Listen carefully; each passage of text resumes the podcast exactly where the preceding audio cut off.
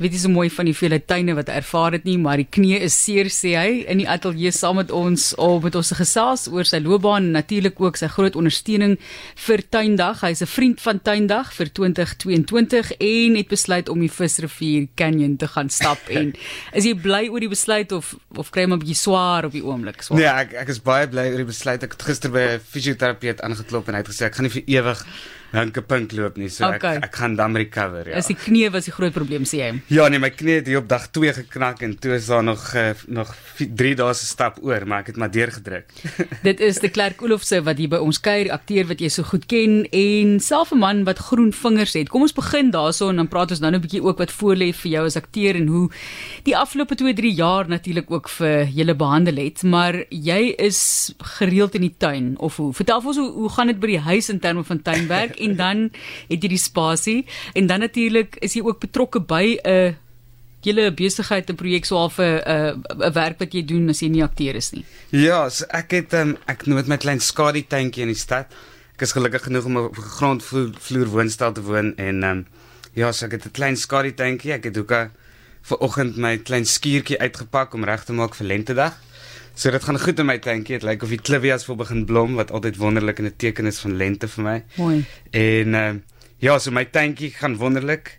En toe het ek um, met die inperking het ek net toe ons oopmaak na daai eerste verlaging van die levels toe of wat ook al dit was. Toe het ek um, by die klein kwekerytjie waar ek altyd grond gaan koop het aangeklop om grond te kry want mense wil nou al hierdie idees gekry terwyl jy vir weke by die huis sit. En toe vra ek sommer net uit die bloute vir die man wat dit besit of ek nie maar kan vrywillige werk doen vir hulle nie want ek kan nie meer by die huis sit nie. En ek dink mense wat my ken weet ek is nogals afhanklik van menslike interaksie. So ek het gedink as ek nou by die kwekerytjie aanklop gaan ek aan mense sien. En so het dit begin en ek het net nog nooit weggegaan daar nie. Is die wonderlikste plek hier. Die kwekery se naam is Happy by Nature en hulle doen net inheemse organiese ja. gegroeide plante.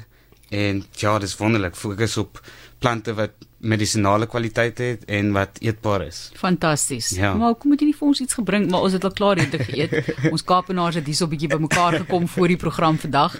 Almal wat hier in die Kaap gebaseer is, maar kom ons praat net gevindig oor daai liefde dan. Hoe het jy die liefde gevind vir tuinmaak? Is dit iets wat jy groot geraak het mee en hoe het jy betrokke geraak by tuindag? Yes, ek dink kyk die de Klerks waar ek my naam vandaan kom, is eintlik boere daar van die Noordwes wat met mielies boer.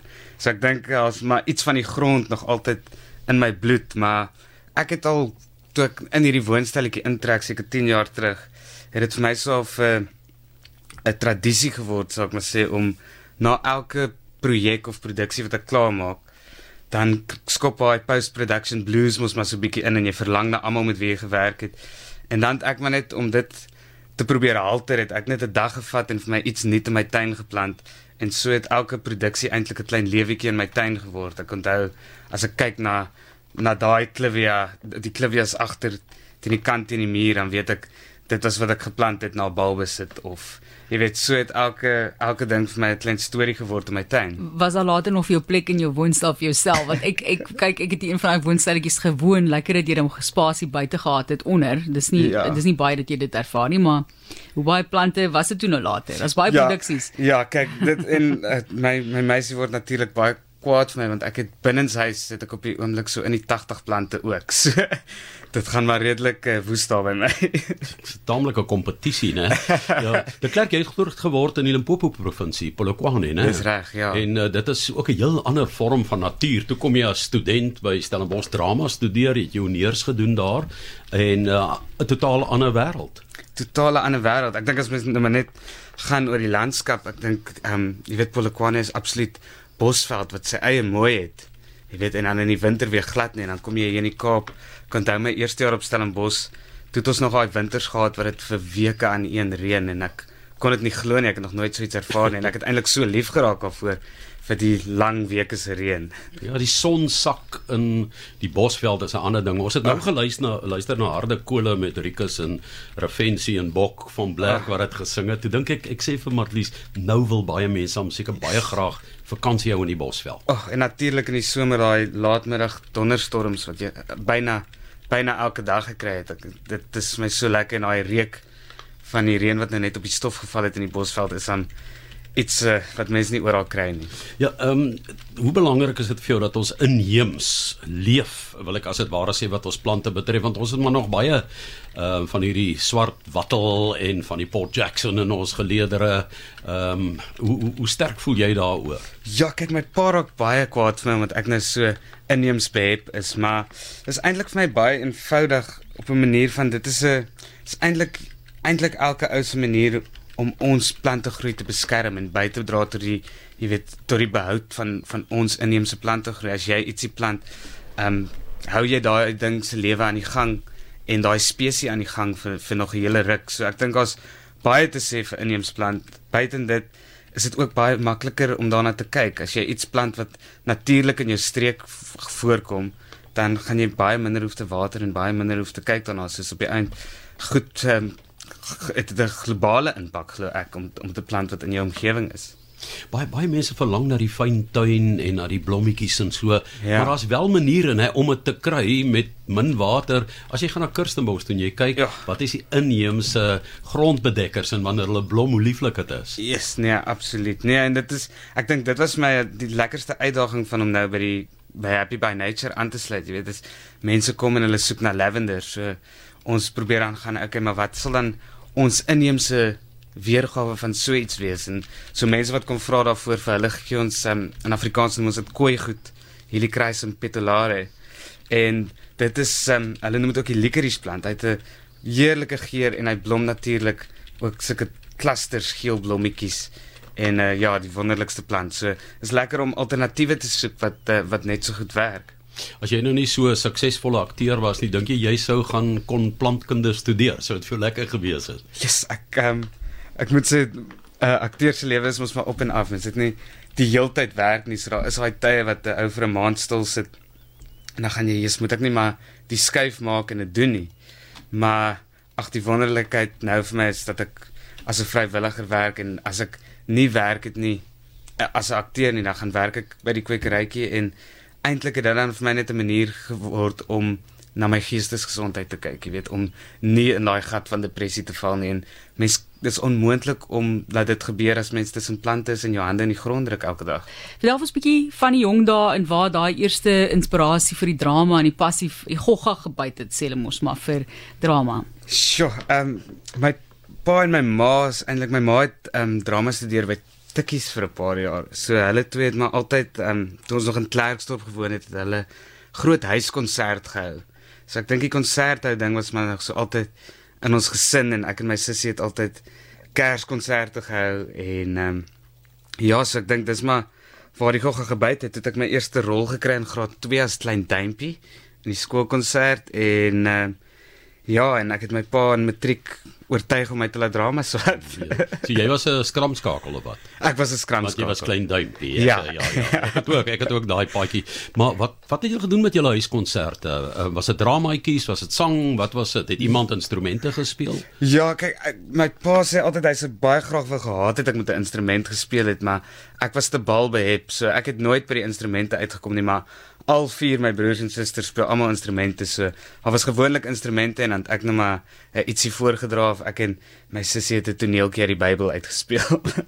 nou ja, die verskil tussen 'n cloakroom en 'n green room. Ja. Moet jy miskien vir ons verduidelik, jy weet daai green room waar jy ontspan as akteur of werk of woorde leer of net, jy weet 'n gemeenskaplike ruimte het teenoor die kleedkamer. Jy weet daar's nogal van 'n uh, byvoorbeeld 'n rugby span. Jy weet wat ons nou wat was dit chasing the sun. The sun ja. Nou lyk my dit is nie dis veiliger in 'n green room as in daai kleedkamer, né? Ja, ek weet altyd lyk my vir my ewe gespanne. Ek dink jy sien 'n 'n green room is 'n plek waar akteurs ontspan. Ek um, ek raak verskriklik op my senuwees voor ek op die verhoog gaan. So jy kry mense wat verskriklik praat en uh, dan kry jy dis soos ek wat maar net sit en 'n bietjie strek en uh, maar my powerheidjie drink en dan hoop vir die beste. hoop vir die beste.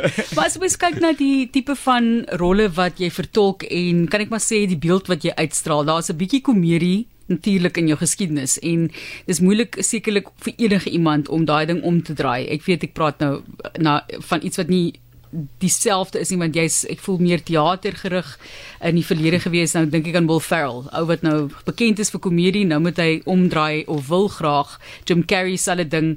Hulle wil nou begin drama doen.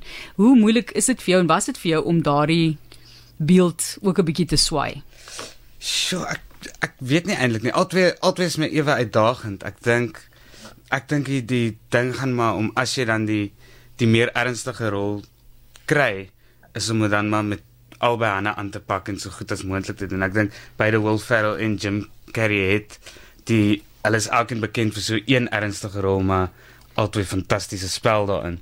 So ek dink is maar om daai geleentheid te gebruik en dan te hoop iemand gee jou nog 'n kans vir so iets. Jammer vir die vergelyking te loop. Vergelykings is verskriklik. Voel nogal geëer. wat jy was ook natuurlik die mees belowende studente akteur, die Vrede Kap teater toekenning daarvoor ontvang in 2011. So laterand het dit voortgegaan. Jy het al so baie toekennings ontvang. So hoe voel jy oor waar jy staan met jou loopbaan vandag? Dit is 'n grootse vraag.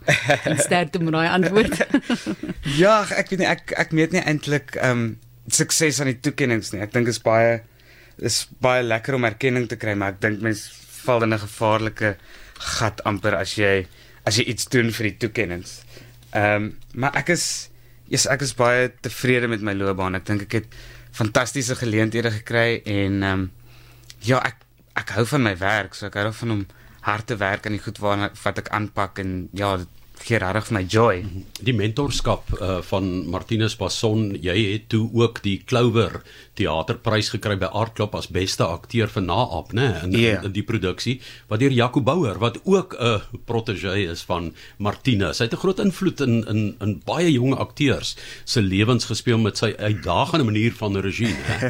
Absoluut. Ja, nee, hy's 'n hy's 'n wonderlike man. Ek sê altyd ehm um, jy weet hy sal in 'n repetisielokaal ehm um, met hy neers neers opkyk nie, jy weet hy, hy sal sit en speletjies speel op sy iPad of brei en my luister. So daar's baie groot lesse om te leer uit uit dit uit, jy weet, partykeer gaan dit nie net oor wat jy sien nie, maar dit is ook hoe hoe iets klink. En ehm um, ja, ek dink Martinus was maar net vir my is maar net hoe hy ehm um, regtig om oor ons groep ontferm het, jy weet, na ons klaar studeer het in 2010 het hy en Nico Tiart van die KAKNK het hulle twee op hulle eie stoom vir ons teater in Kaapstad gehuur en ons het vir Desember lank twee produksies in repertoire gespeel. En ek meen daar's min jong mense van 21 22 wat daai kans kry om jouself te laat sien in Kaapstad op 'n verhoog en ek dink meeste van ons het werk gekry daaruit en dit het ons loopbane absoluut begin. So ek sal altyd baie dankbaar wees vir hulle daarvoor Jy praat van 'n loopbaan, maar as jy nou iewers 'n kruispunt in jou lewe en jy sê ek, ek wil dalk 'n bietjie afskaal, nie nou al nie. Dink jy 'n kwekerytjie sal die ding doen wat jy bedryf? Sal dit vir jou lekker wees om te dink aan soos iemand wat 'n koffiewinkel wil oopmaak, maak die klerk Olof se 'n uh, kwekery oop? Yes, dit sal fantasties wees. Dit sal 'n wonderlike droom wees wat waar word. Happy by nature. Happy by nature, absoluut. Ek is so lief vir die plek. Sê vir ons wat lê voor. Wat is die pad vir jou in die volgende paar jaar? So die dag na tuindag begin die woordfees en ehm um, ek is natuurlik baie opgewonde om weer op die verhoog te klim en ek um, gaan hierdie jaar by woordfees weer 'n een eenman stuk aanpak vir die eerste keer in lank, maar dis bietjie meer van 'n eksperiment.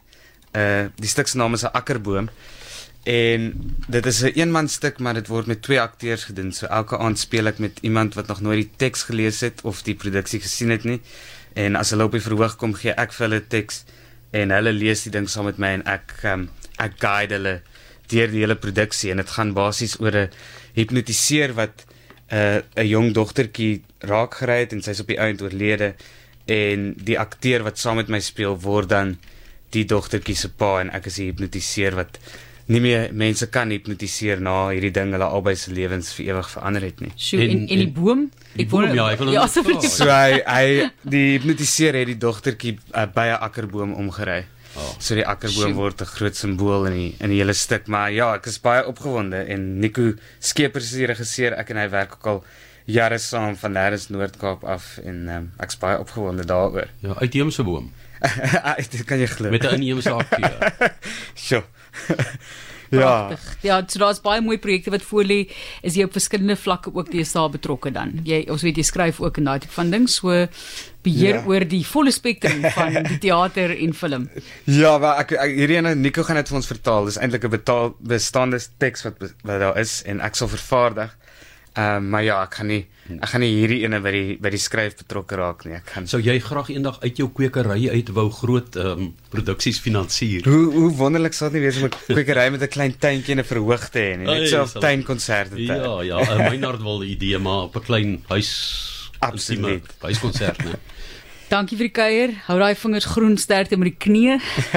Dit is die Klerk Olofse wat hier gekuier het, 'n vriend of ambassadeur van Tuindag ook daarby en dis 9 Oktober te loop Tuindag. Geniet daai tuin indien jy een het en die voorreg het om een te besoek dalk.